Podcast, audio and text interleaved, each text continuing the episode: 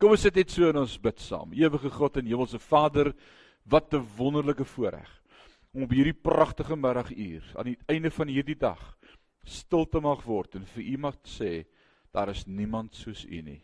U is ons begin en U is ons einde. U is ons verlosser, ons saligmaker, ons koning.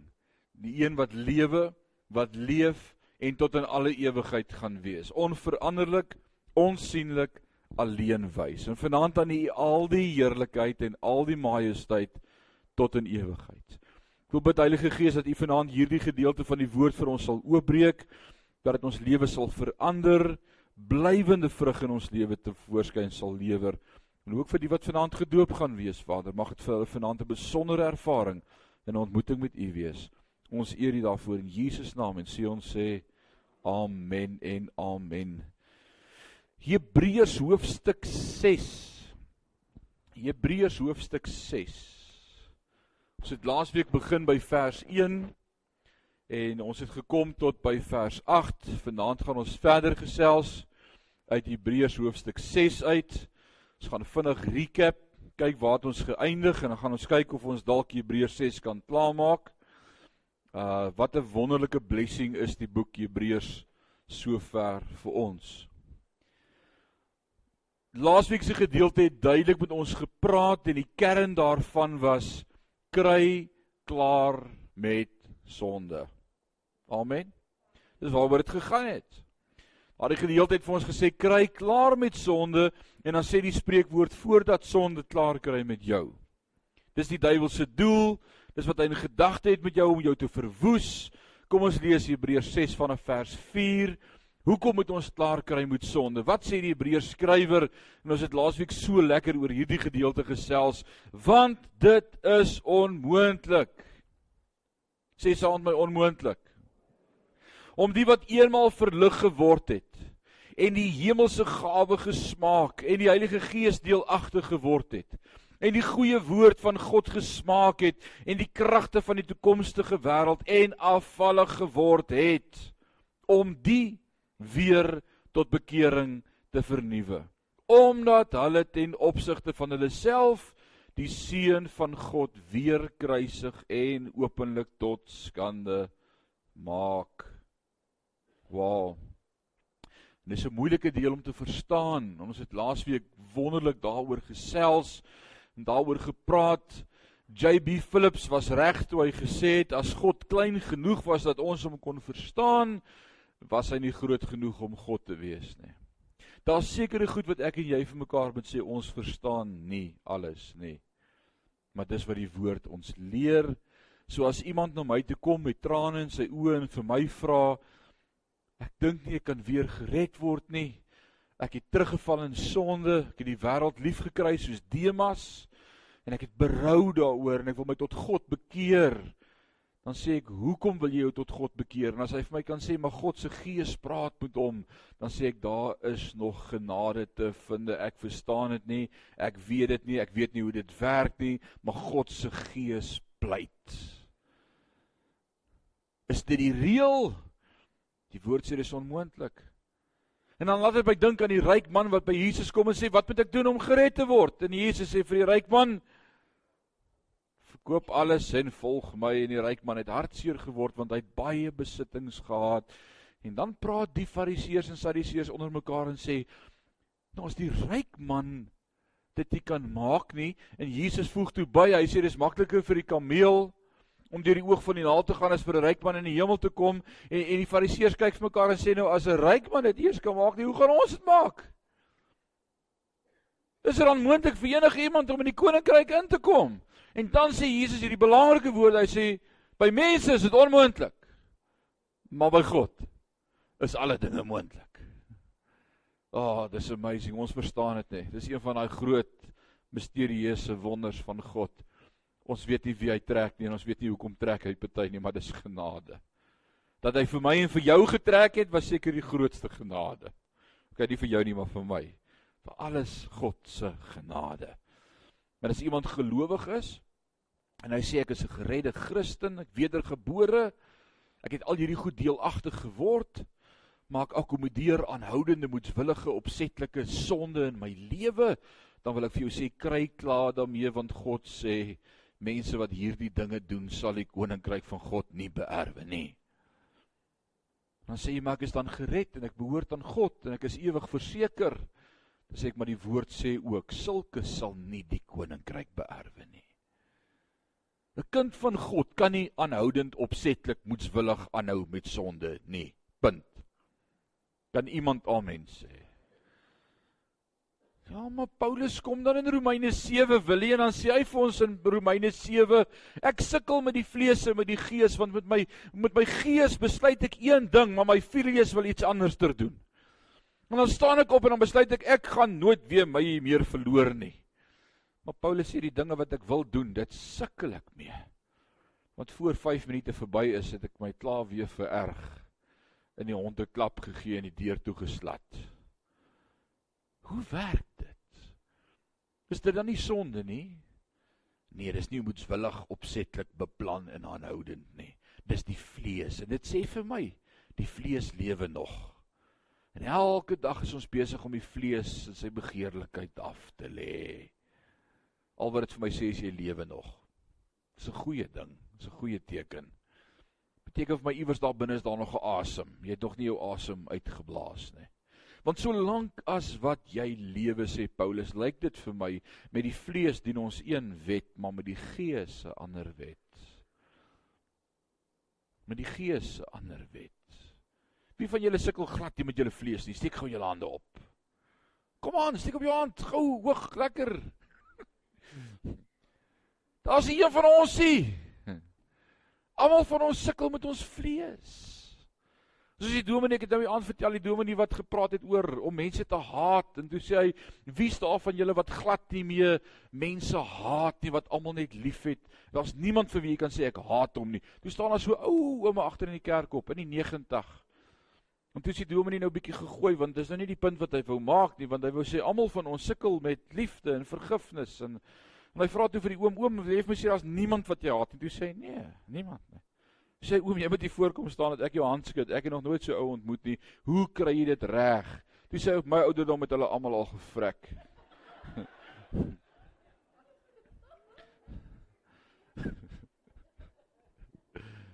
Dalk gaan ons ook daar kom, maar weet jy wat tot dan? Sukkel jy met die stuk vleis.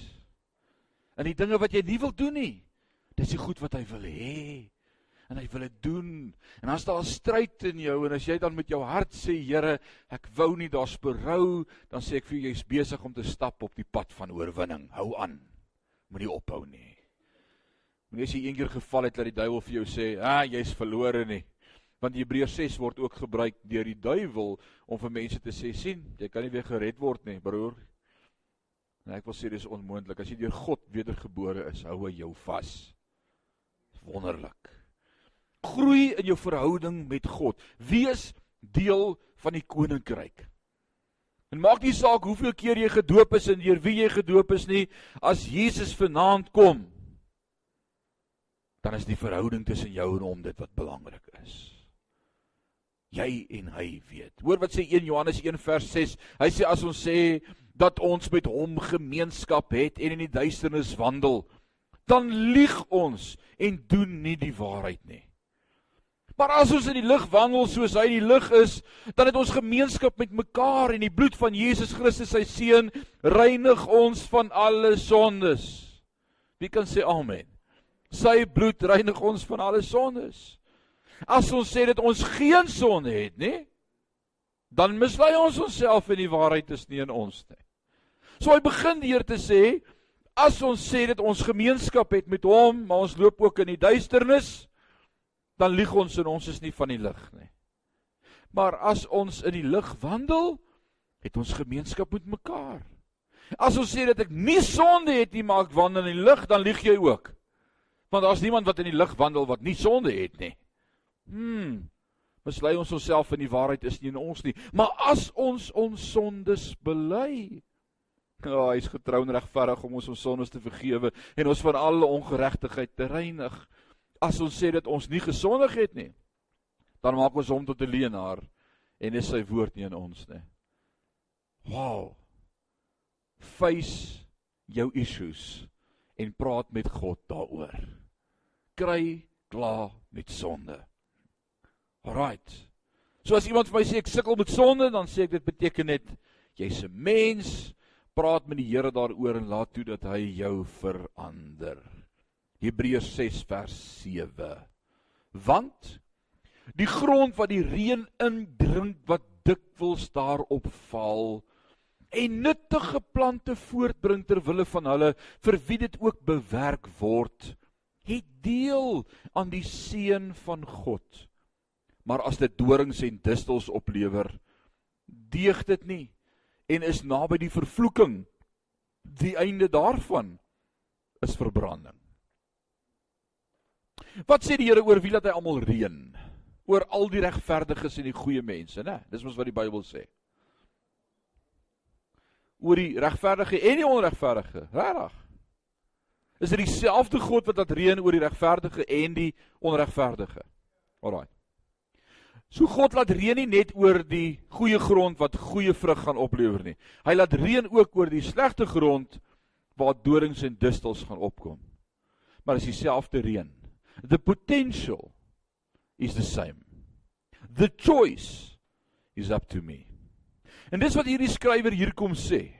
Hy sê as dit goeie reën, as God se reën in jou lewe val en jy goeie vrug uit dit oplewer en groei en nader aan die Here kom en groei in jou geestelike lewe, wow, jy gaan 'n blessing beleef. Dis great. Maar as God sy reën op jou laat giet en al wat dit opbring is dorings en distels, Hy sê daardie vervloeking is naby en dit deur geen niks nut behalwe die einde daarvan is verbranding nie. Alraight. Slegte plant, 'n slegte plant bring dorings en distels na vore. Die vraag dan vanaand is die water is die woord? Kan ons sê amen? Wat is die water? Hy sê ek het julle reeds geheilig met die waterbad van die woord. Efesiërs hoofstuk 5 nadat ek julle gereinig het met die waterbad van die woord. God se woord is soos water wat ons reinig. So die vraag vanaand is watse vrugte bring ek en jy na vore? Dieselfde woord, dieselfde reën, dit praat dieselfde met almal van ons. Die keuse lê by jou. Jy kan nie sê is my ma of my pa of my oom of my tannie nie. Uh, uh dis jou besluit. Maar vers 9 geliefdes. Ons is aangaande julle van beter dinge oortuig. En hier kom die belangrike deel van hierdie hoofstuk. Nou kom hy Hy sê ek het nou met julle gepraat, dis onmoontlik om weer voor te begin. Jy kan Christus nie weer kruisig nie. Jy maak hom tot skande. Dis dieselfde reën wat val. Jy moet goeie vrug lewer. Maar geliefdes, ons is aangaande julle van beter dinge oortuig. Dinge wat saamhang met die saligheid. Al spreek ons ook so oor die mense wat terugval. En so voel ek vanaand oor elkeen wat woordskool toe kom sonder aande. Oor elkeen wat hier is. Hoe hoe weet ek hoe weet ek ek voel so oor julle? Hoe hoe kan ek dit sê vanaand want jy's hier, jy's lief vir die Here, jy's lief vir sy woord en jy gaan nie week na week hier sit en pak kry en terugkom as jy nie regtig 'n verhouding met die Here het nie. Amen. Amen. Ou wat nie wil verander nie, nie wil groei nie, is nie 'n ou wat by woordskool is nie. Hierdie ouens is ouens wat sê ons wil verander, ons wil groei, ons wil vrug oplewer. Dan vers 10 want God is nie onregverdig om julle werk te vergeet nie en die liefde arbeid wat julle betoon het vir sy naam omdat julle die heiliges gedien het en nog dien. Hier is 'n pragtige vers vir my. 'n bewysvers. Hier hier kom hy met met 'n groot nugget, 'n groot waarheid. Hy sê want. Nou as 'n sin begin met die woord want. Wat sê dit vir my? Willie? Want. So hier kom die kulminasie of die konklusie of die antwoord van dit wat ek nou net oor gepraat het, want. So ek moet dink, wat het hy gesê in vers 9? Hy sê maar geliefdes, ons is aangaande julle van beter dinge oortuig. Met ander woorde ons glo beter dinge van julle, dinge wat saamhang met die saligheid. Al spreek ons ook so want. Hoekom? Is ek van beter dinge oortuig rakende julle? Want God is nie onregverdig om julle werk te vergeet nie en die liefde arbeid wat julle betoon het vir sy naam omdat julle die heiliges gedien het en nog dien. So daai sinnetjie moet verkort en die kern fokus uithaal sê hy ons is aangaande julle van beter dinge oortuig oortuig omdat julle die heiliges dien. Dan wil ek vanaand die volgende stelling maak uit Hebreërs 6 vers 10 uit dat iemand wat waarlik gered is en waarlik vrug dra verstaan dat hy mense in die koninkryk moet dien. Dis net so. Nie bedien te word nie. Nie gedien nie, bedien. Dan die andertjie wat beteken bedien? Is jy goed daarmee om te bedien? Ek dink dat die andertjie is baie goed daarmee om te bedien. Ek kyk vir daar by Cosmos, daar by die boeremark. Sy is daar by die koffiepotte en sy surf. Tannie Annetjie, hoe oud is jy? amper 84. En sy staan pen reg op by boeremark en sy gooi vir ouens koffie in en sy gee double shot kondensmelk as jy mooi vir haar kyk. Dis nou vir daai vir daai spoorweg koffie. En sy glimlag en sy surf die mense met 'n smile en sy praat met hulle.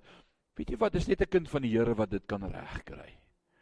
Daar's iets in 'n kind van God wat sê ek wil ander mense dien medegelowiges. So die woord sê ook dan nou vir ons en dis die teenoorgestelde en 'n minstuk het altyd twee kante. Daarom het ons ook hoor wat die woord sê wat hy nie sê nie. Is die bewys van 'n onverhouding met Christus of geen verhouding met Christus is iemand wat net op homself gefokus is. En nou mag jy sê eina of amen. Want as jy op jouself gefokus is, maak die koninkryk nie vir jou saak nie. En dan's daar fout. Daarom moet ons die koninkryk dien. Hy sê julle werk en gee om vir God se mense. Jakobus leer vir ons in Jakobus hoofstuk 2, dan sê hy jy sê vir my jy het geloof Wys my jou werke dan sal ek vir jou sê of jy geloof het of nie. Moenie vir my sê jy het geloof nie. Wys my eers wat jy doen vir die koninkryk. Sjoe. Kan dit amper klink asof Jakobus dan sê dat jou werke jou kan red? Is dit hoekom ons die werke doen? Is dit juis omdat dit my red? Dan wil ek vanaand vir jou sê as jy ware geloof het, sal jy werk. Nou jy hoor my baie sê, dis nie geloof en werke wat jou red nie. Amen. Het ek dit al eendag gesê 100 maal 1000 maal. Dis nie geloof en iets wat jou red nie. Dis nie geloof of werke wat jou red nie, maar geloof wat werk red jou en jy doen omdat jy gered is. En daar's 'n verskil. Works cannot save you because you are saved by grace and by grace alone. In Ephesians 2 verse 6 7 8 it says even that faith that you had to believe was a gift of God and not out of yourself so that no man can boast and think it was me that believed. It was a gift from God. Faith. Faith alone. Christ alone. Maar as ek glo, ware geloof, dan volg daar ook werke. Liefdeswerke, nie omdat ek moet nie, maar omdat ek kan. Wil jy daaroor dink? Dis nie 'n moet nie. Jy hoef nie nice te wees met ander mense nie. Maar jy kan. En nou kom Filippense 4 vers 4, ag is so great gedeelte. Ek dink altyd daaraan Filippense 4 vers 4. Ons het dit gesing as sonnaskoolkindertjies. Ek het dit onthou. Naas kan jy daai song onthou. Filippense 4 vers 4 sê verbly jul in die Heer. Onthou jy dit, Willie? Jy het gesing. Vir jy gejip by die sonnaskool. Verbly jul, verbly jul, verbly jul in die Heer. Maar weet jy wat? Dis net daar waar ons bly. Ons het nog nooit geleer wat sê Filippense 4 vers 5 nie. Filippense 4 vers 5 sê die rede hoekom jy ook kan verbly in die Here is want die Here is naby jou. Oh, dit verander die hele boodskap. Ek kan bly wees want die Here is naby my.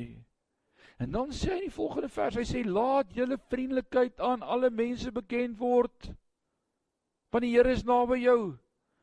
Jy kan maar smile. Ag gee my smile toe. Daar's hy, dit lyk beter.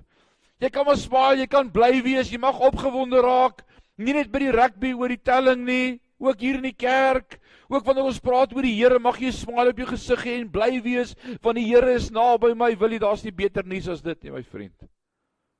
Ek sien Attie sit nou al al hoe agtertoe. Hy sê ek pik op hom die hele tyd, nou pik ek maar op Willie. So volgende week sit Willie ook daar agter by Attie. Dan sal ek nou maar met jou praat.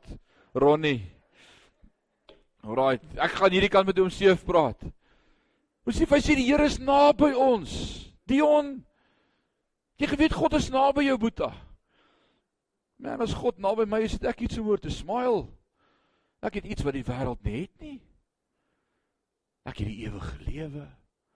Ek het kunskap. Ek het hom as verlosser en saligmaker. Hy is my alles in my lewe. Hy hou my vas in die holte van sy hand. Wow. Ek kan maar smile daaroor. Waaroor smaai jy? Oor die Here. Weet jy wat? As ek smile oor die Here, dan is ek besig om te share. Ek is besig om te gee.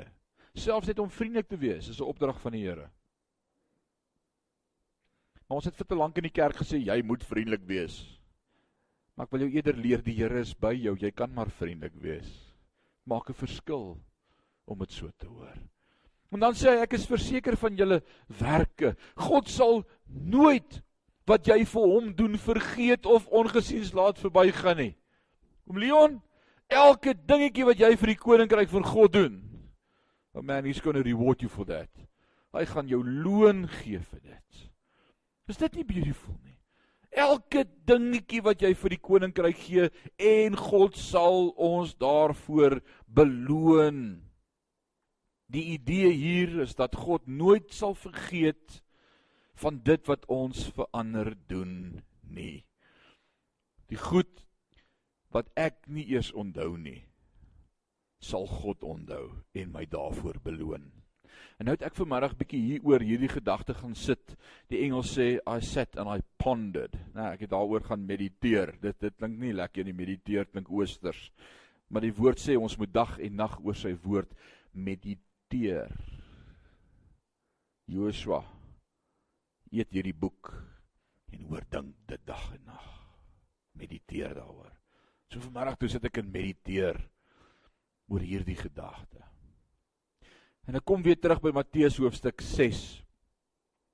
In die bergpredikasie, die tweede hoofstuk van drie hoofstukke wat Jesus praat oor sy koninkrykskonstitusie daar aan die hange van die Olyfberg. Nee, dit was by die see van Galilea. En, en wat sê Jesus daar vir ons? Hy sê moenie wees soos die fariseërs wat op die hoeke staan en bid met hulle lang gesigte en laat almal weet hulle vas nie. En so bid dat almal hoor wat hulle bid nie. Hy sê want dat dit hulle loon klaar weg van my Vader wat in die hemel is. Hy sê maar as jy bid, gaan in jou binnekamer maak jou deur toe en praat alleen met God en hy wat in die verborgenheid sien, sal jou ook in die openbaar vergelde. As jy as jy gee met jou een hand nie weet wat jou ander hand doen nie. Wie van julle se een hand weet nie wat die ander een doen nie? Ek hoop jy kan dit al reg kry het. Hy sê jou linkerhand moet nie weet wat die regterhand doen nie. Wat beteken dit as lidmate van een liggaam ek en jy linkerhand regterhand? Ek moet dit nie so doen dat sy dit hoef te sien nie. As jy nou hier by die offerande sakkie laat verbygaan Jy vat die offerande sakkie by Marlene en terwyl hy nog daar is, vat jy 'n rol R200 en jy kyk vir haar smile en jy gooi dit so mooi in en laat soos laat my dink aan Mr Bean. Hy sal sulke goed doen, hè. Ja. Skud hom en laat hom aangaan. Dan sê die woord jy het verniet gesaai. Jy het jou loon klaar weg. Moenie verwag dat jy eendag by God gaan loon ontvang nie. Want jy het dit gedoen om gesien te word. As jou linkerhand nie weet wat die regterhand doen nie, dan is jou hand toe en jy sit hom net daar in die sakkie. En dit maak nie saak wat jy insit nie. Jy doen dit vir God. Dis great. Ek begin toe sommer dink in kerk. Denise, jy ken kerk vir baie jare. Hier's baie van ons wat kerk vir baie jare ken.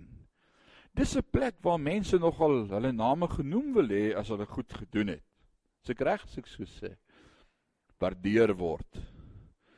Ons hou sekere waarderingsdae en ons wil mense waardeer en weet jy wat, ek besef net vanmiddag jy het jou loon weg. As jy dit doen sodat ek jou naam in 'n blaadjie moet sit of vir jou spesiaal voor almal dankie sê, jy het jou loon weg. Mag Sion 'n plek word waar dit nie vir jou gaan oor jou naam of wat wie gedoen het nie. Maar dit maak nie saak wie wat gedoen het nie, dit gaan oor die koninkryk. Dis gedoen. En ek is in 'n baie moeilike posisie as pastoor van 'n gemeente. Want meeste van die goed wat ek doen sien almal van julle raak en almal van julle weet daarvan en almal van julle praat daaroor en en ongelukkig kom julle na diens by my en sê, "Wow, dit was nou 'n awesome woord vanmôre." Dan dink ek, en ek het nou so hard aan hom gewerk en nou gaan die Here nie eers vir my kan sê, "Well done" eendag nie, want jy het klaar vir my gesê dankie. Hoor jy wat ek sê? Mag dit hier nie gaan oor jy en ek en die eie ek en dankies en ooh, dit was darm awesome geweest, nee. Nee. Nee, ons wil eendag ons loon by God ontvang. Wie wil graag eerder sy loon op die aarde hê? Sê vir my dan sê ek gou vir jou dankie. Ek wil eerder my loon by God hê. Ek dink hy kan vir my baie beter loon gee as wat jy vir my kan gee. Dis waaroor dit gaan, oor God. En daarom sê ons God sal eendag ons beloon vir alles wat ons gedoen het. Man, dis 'n pragtige gedeelte. So ons gee nie met die gesindheid van, ooh, kyk ek gee tog nie. Nee. Of kyk ek het dit gedoen nie of kyk ek het hier gehelp nie. Matteus 5 sê, uh uh, ons dis nie hoe ons gee nie. So die gedagte is hier dat die goed wat ek nie eers doen wat ek sal ek onthou nie. En goed wat ek vergeet is goed wat ek nie gedoen het met die intensie om voor beloning te ontvang nie. Ek het dit maar net ag, laat ek dit net doen. God sê, ek onthou daai goed. En ek sal jou beloon daarvoor. Wie wie's bly daaroor sê amen. Loof die Here. Alraight die skrywer sê ons is aangaande julle van beter dinge oortuig omdat julle die heiliges dien. Vers 10: Want God is nie onregverdig om julle werk te vergeet te vergeet nie en die liefde arbeid wat julle betoon het vir sy naam omdat julle die heiliges gedien het en nog dien. Maar ons verlang. Maar ons verlang Want soos nou bly want julle doen groot dinge, maar ons verlang, daar's iets wat hierdie skrywer met hierdie groep mense deel wat hy sê maar Dis grait dat julle groei, dis grait dat julle wys julle is in die gees en julle bless ander mense en julle doen goeie dinge vir die heiliges. Dis awesome. Maar daar's daar's een ou dingetjie. Daar's ietsie, vers 11. Ons verlang dat elkeen van julle dieselfde ywer mag toon om te kom tot die volkomme sekerheid van die hoop tot die einde toe. En ek wil vanaand sê maar as daar een ding is wat ek vanaand vir elkeen van ons bid, dan is dit dit dat jy mag kom tot daardie volkomme sekerheid en die hoop in Christus tot die einde. Wat beteken dit? Ek twyfel nooit dat ek God se kind is nie. Ek weet dat ek weet dat ek weet hy lewe in my. Ek behoort aan hom. Ek het 'n ewige hoop. Jesus Christus is my leidsman en die volëinder van my geloof. Hy sê julle groei pragtig. Julle is nie meer by die baba se dinge van hoofstuk 5 van die eerste melk en winde uitvryf en op droog en alles nie. Julle julle groei mooi, julle kou die vleis pragtig, julle sluk dit in. Julle doen mooi dinge vir die heiliges, maar julle is nog nie seker oor julle redding nie. En ek wil sê kerk van die Here Jesus Christus, dis sekerlik een van die belangrikste goed in ons dag. Waarmee die duiwel ons die meeste aanval, is jou sekerheid oor jou redding in Christus. Hier kom die skrywer en hy sê in vers 11, hy sê daar's een dingetjie. Daar's een dingetjie. Julle moet seker wees dat julle 'n ewige hoop het. Wie van julle weet vanaand dat julle 'n ewige hoop het? Laat ek net die hande sien. Daar's groei, loof die Here. Jy het 'n ewige hoop. Die leidsman en volëinder van julle geloof. Hy sê om te kom tot die volkomme sekerheid van die hoop tot die einde toe. Man, this amazing. Jy gaan nie elke dag halfpad sê, "Ag, ek hoop nog ek's 'n kind van die Here nie. Ek weet daarom nie. Laat ek net eers weer bid. Ag, Here, vergewe my ou sondaar. Sorry, ek's verlore. Maar ek wil weer my hart vir U gee asseblief. Kan ek asseblief weer U kind word?" Ek het nou vandag my meer verloor en 'n paar dinge gesê wat ek nie moes nie en ek as ek nou doodgaan, gaan ek hel toe. Ek hoop nie jy dink meer so nie. Ek hoop nie jy dink so nie. O, oh, ek het vir te lank in my lewe het ek so gedink. Ek het gedink as ek sonde doen en ek sou doodgaan at, dan gaan ek hel toe. En toe leer ek my God is 'n goeie God en hy's 'n liefdevolle God. En weet jy wanneer het ek dit besef en leer in my lewe? Wanneer het dit die eerste keer hier ingesak? Die dag toe my oudste seentjie in 2004 kwart voor 2 daai middag in Rosepark Hospitaal sê kwê en ek bystaan in die teater met 'n skelpel in my hand. My vrou wou die stype kry. Sy lê daar en kyk vir my. Sy het 'n epiduraal. Sy kan sien wat ek doen. En ek sê vir die dokter gee my die skelpel ek wil help. Ek was betrokke by my kind se geboorte. Dan die alsies oor ek nou net so Ek sê ek wil daai naalstring afknip. Ons gaan 'n man groot maak hier. Ek was daar. En ek stap agter daai matrone en daai kot aan in die saal af. Sy sê pastoor, jy kan hier tee kry. Ek gaan net die baba was. Ek sê ek bly net by hom. My vrou sê julle ruil kinders om in die hospitaal.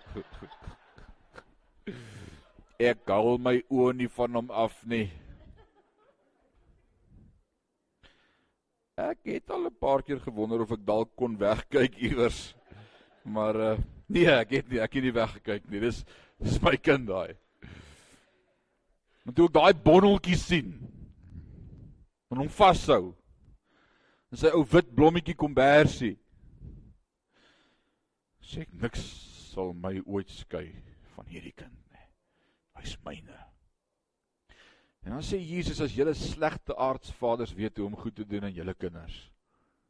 O oh man, julle het nie idee hoeveel te meer julle hemelse Vader goeie gawes gee aan die wat hom bid, nê. Ah, hy's 'n goeie Vader. En ek het elke keer as ek iets verkeerd gedoen het gedink, "O, oh, as die Here vanaand kom, gaan ek die hel toe." As ek so dink, dan dink ek dat werke my kan red.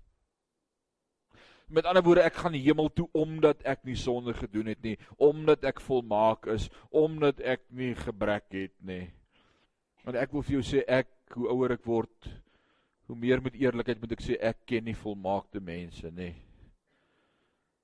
Soos die pastoor wat ook eendag gepreek het en gesê wie van julle is volmaak? Toe staan daar ook 'n oom op. Toe sê hy oom, wil jy vir my sê jy's volmaak? Toe sê hy nee pastoor, ek staan namens my vrou se eerste man.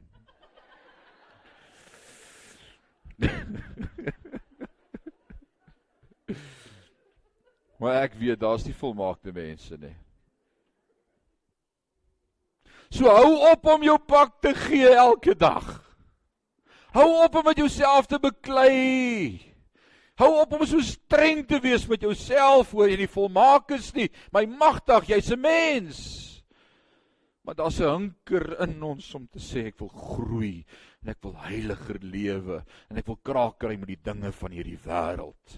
Ek kan verstaan dat Paulus uitgeroep het in Filippense 1:19 vers 20 daarond wat hy sê vir my is Christus die lewe, maar wragties om te sterwe sal 'n wins wees. Ek kan dit verstaan. Daar was iets wat verstaan het as ek by Christus is, gaan ek nie meer battle met hierdie stuk vleis nie. O, oh, kan nie meer sonde doen nie. Daarom is dit vir my so wonderlik as iemand sterf wat in die Here sterwe om met sekerheid te kan sê hierdie broer het uiteindelik klaar gekry met sonde. Gaan nooit weer begeerlikheid hê om sonde te doen nie. Want hy's by God. By God is daar nie meer gebrek nie, tekort nie, sonde nie. Alraait. Kom ons gaan aan. Dit lyk eers vir my ons gaan hierdie hoofstuk klaar kry vanaand. Nie. Vers 13 sê want toe God aan Abraham die belofte gegee het het hy omdat hy by geen meerdere kon sweer nie by homself gesweer en gesê voorwaar ek sal jou ryklik seën en jou grootliks vermeerder. En so het hy 'n belofte verkry Abraham nadat hy Abraham geduldig gewag het. Hoe lank was geduldig gewag? 25 jaar nadat God iets beloof het gebeur dit eers So wie's ek en jy om so haastig te raak met die Here oor sy beloftes? En as jy wil weet oor wag en oor beloftes en oor hierdie, kry vir môre se CD of gaan luister dit op SoundCloud. Ons het vanmôre net oor hierdie paar verse gepraat. Ek wil op hierdie punt sê onthou dat die skrywer van die Hebreërs probeer om sy luisteraars te waarsku om nie terug te gaan na die eerste dinge van Judaïsme wat hulle in hulle lewe beleef het, nê. Nee. Vir wie skryf die skrywer die boek? Wedergebore Jode wat bygevoeg is by die Christelike godsdiens. Hulle het bekeer tot God. Maar iewers daar 'n begeerte om terug te gaan na die eerste dinge toe. En ek het daaroor gaan wonder vanmiddag, wat sou die rede wees dink julle hoekom hierdie geredde Christene, Jode wat Christene geword het, hoe hoekom sou hulle wou teruggaan na die Jode godsdiens toe? Wat sou hulle besiel om terug te gaan? Was dit regtig net die reuk van die wierook en die gesloes van die rokke en en, en die offers en die bloed? Wat was die rede hoekom hierdie groep Jode wou teruggaan en sê maar ons draai ons rug op godsdienst, ons gaan terug na die eerste beginsels. Wat sou dit wees? En ek dink hier kom die antwoord. By die eerste kerk van die Here Jesus Christus was daar 'n ongelooflike verwagting gewees van die wederkoms van Jesus Christus. Soveel so dat die disippels met mekaar praat en sê nie een van ons gaan sterwe. Onthou julle die Here het gesê ons gaan hom nog sien kom.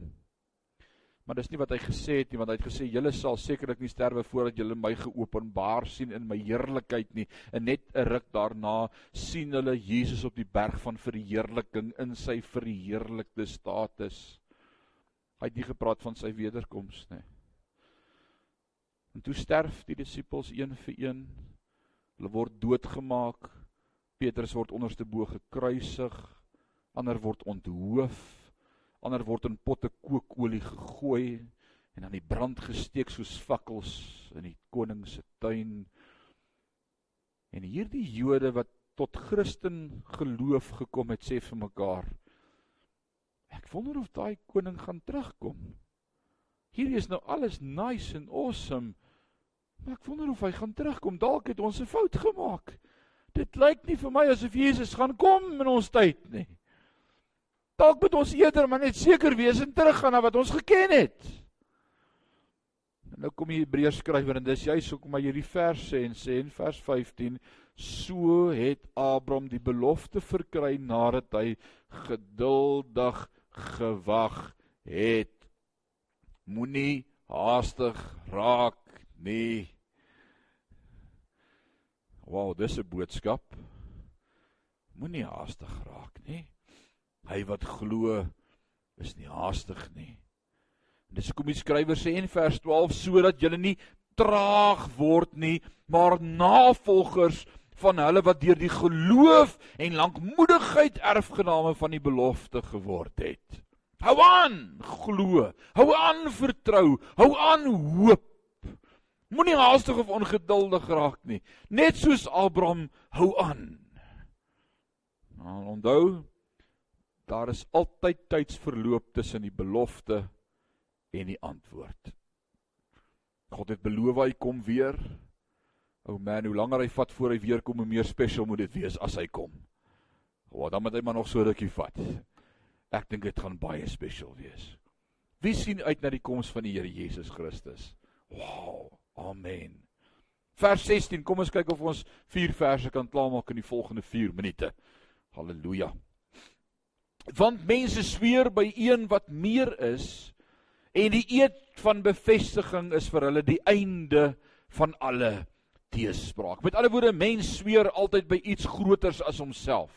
Dit was die gebruik gewees. Ek sweer op die Bybel of ek sweer op my ma se graf of ek sweer by jy het sou nooit gesê ek sweer by my troeteldier nie. Verstaan jy? En dit was asof dit impressive was om te sê hoe hoër of hoe groter ding jy by kon sweer, hoe meer staan jou woord vas. En wat leer Jesus sy ou sy disippels? Hy sê wat se nonsens is hierdie dat jy sweer by die en sweer by daai? Die Fariseërs en die Sadduseërs het tot 'n gewoonte gehad om te sweer 'n groot ding sou gewees het as hulle sê ons sweer by die tempel. En toe kom 'n paar slim Fariseërs en hulle sê nee, ons sweer nie by die tempel nie. Ons sweer by die goud in die tempel. En as jy nou so vra nou, hoekom by die goud en nie by die tempel nie? Dan sê hulle want die tempel kan afgebreek word, maar goud kan nie vergaan nie. So dit staan vas. Hierdie is 'n ultimate ek gee my woord. Ek sweer by die goud in die tempel. En dan kom Jesus in Matteus 26 en sê hy vir hulle dis dom. Dis dom. Jesus sê laat jou ja jou ja wees en jou nee jou nee. Maar omdat God so groot is en dit vir ons as nietige mense so belangrik was om by iets te sweer, sê God, "Oké, okay, ek sweer by" en hy kyk rond om te sien wie's groter as ek. Hy sê, "Oké, okay, ek sweer by myself." Kyk as dit nie vir jou sê God is die grootste nie, dan sien jy dit nie raak in die woord nie. Daar is nie iets groters as God nie. Kan jy net sê amen? daar's niks groters as God nie. Hy's die grootste.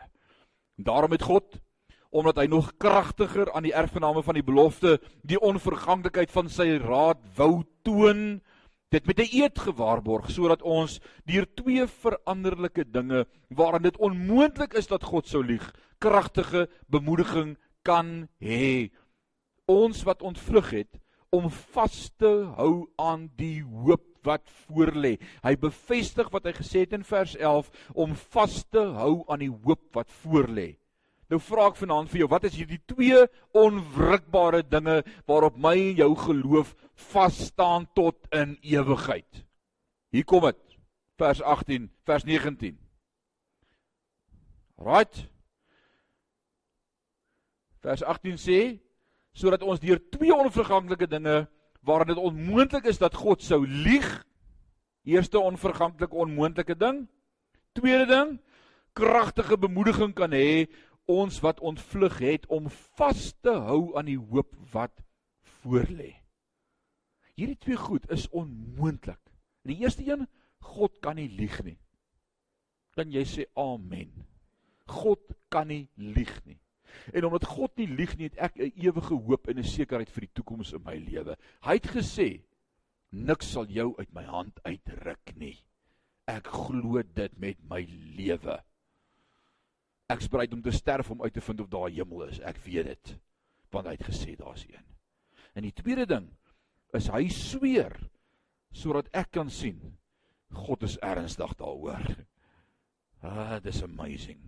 Vers 19 sê ons het dit as 'n anker van die siel wat veilig en vas is en ingang tot binnekant die voorhangsel. Is dit nie pragtig nie? Dis 'n vaste sekerheid wat ek en jy het. Ons kan verseker wees daarvan. God lieg nie. Dit sal so wees. Dis amazing. En dan vers 20 waar Jesus as voorloper vir ons ingegaan het het hy wat volgens die orde van Melchisedek 'n hoëpriester geword het vir ewig. En dis 'n groot vers met 'n groot probleem.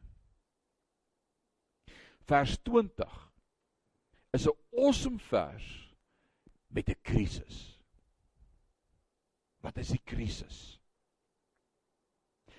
Jesus was nie uit die stam van Levi gebore nie, maar uit die stam van Juda. En slegs hoëpriesters uit die stam van Levi kon ingaan as hoëpriester om vir my en vir jou agter die voorhangsel by God verzoening te doen. En nou kom die Hebreërskrywer opsetlik as hy in vers 20 skryf waar Jesus as voorloper vir ons ingegaan het.